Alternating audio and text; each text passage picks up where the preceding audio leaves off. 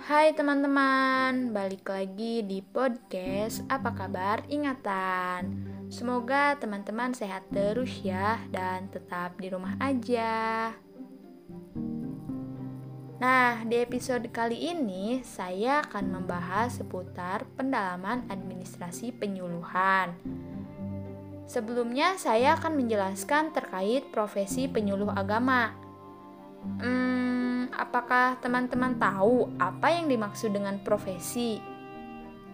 Profesi merupakan sesuatu pekerjaan yang menuntut kualifikasi dan kompetensi tertentu sesuai dengan tugas pokoknya.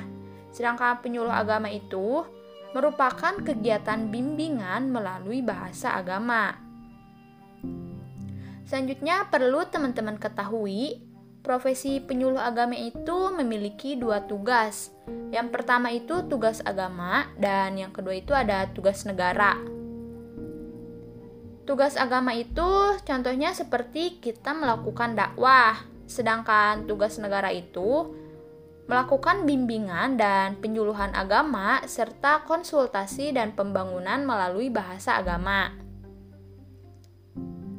Tentunya, dalam sebuah profesi itu pasti terdapat hambatan. Nah, hambatan penyuluh agama itu kualifikasi dan kompetensi.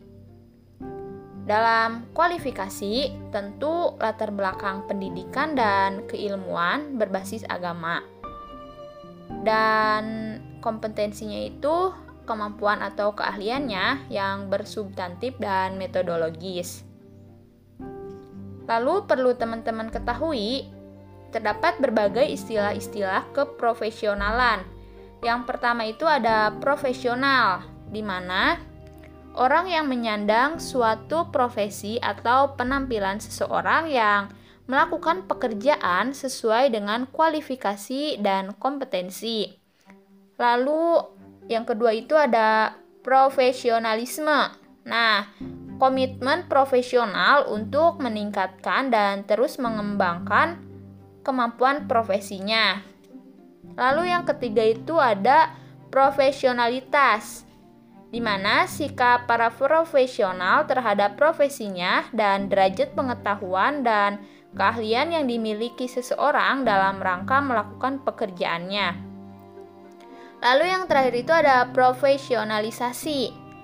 Proses peningkatan kualifikasi maupun kemampuan profesional dalam mencapai kriteria yang standar dalam penampilan menjalankan profesinya. Lalu, perlu teman-teman ketahui jika kita ingin menjadi seorang penyuluh agama yang profesional, tentunya kita itu harus memiliki tiga syarat utama, seperti tahu, mau, dan mampu. Lalu, dalam penyuluh agama itu terdapat tugas, peran, dan fungsi. Tugasnya itu seperti bimbingan agama, penyuluhan agama, konsultasi atau arahan agama, pembangunan dengan bahasa agama. Sedangkan penyuluh agama juga berperan sebagai komunikator, edukator, fasilitator, motivator, inisiator, stabilisator.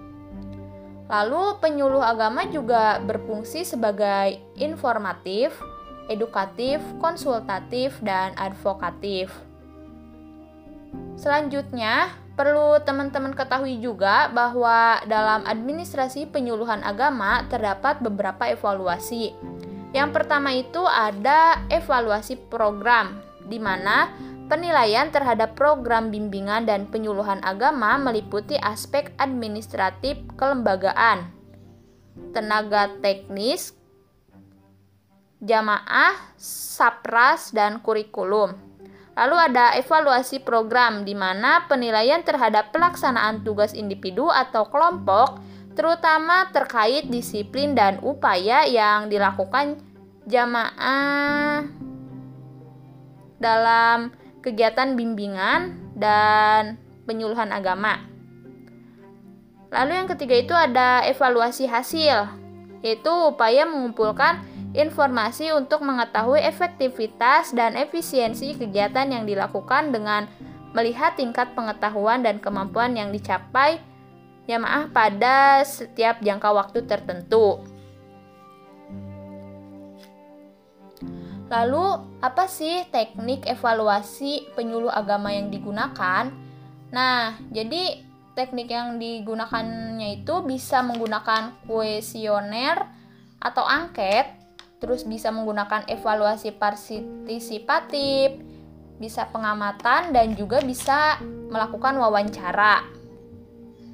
Nah, mungkin untuk pembahasan seputar pendalaman administrasi penyuluhan, saya cukupkan dulu ya. Semoga apa yang saya sampaikan dapat bermanfaat bagi teman-teman yang mendengarkan. Tetap ingat selalu, dan sampai jumpa di episode selanjutnya. Bye bye.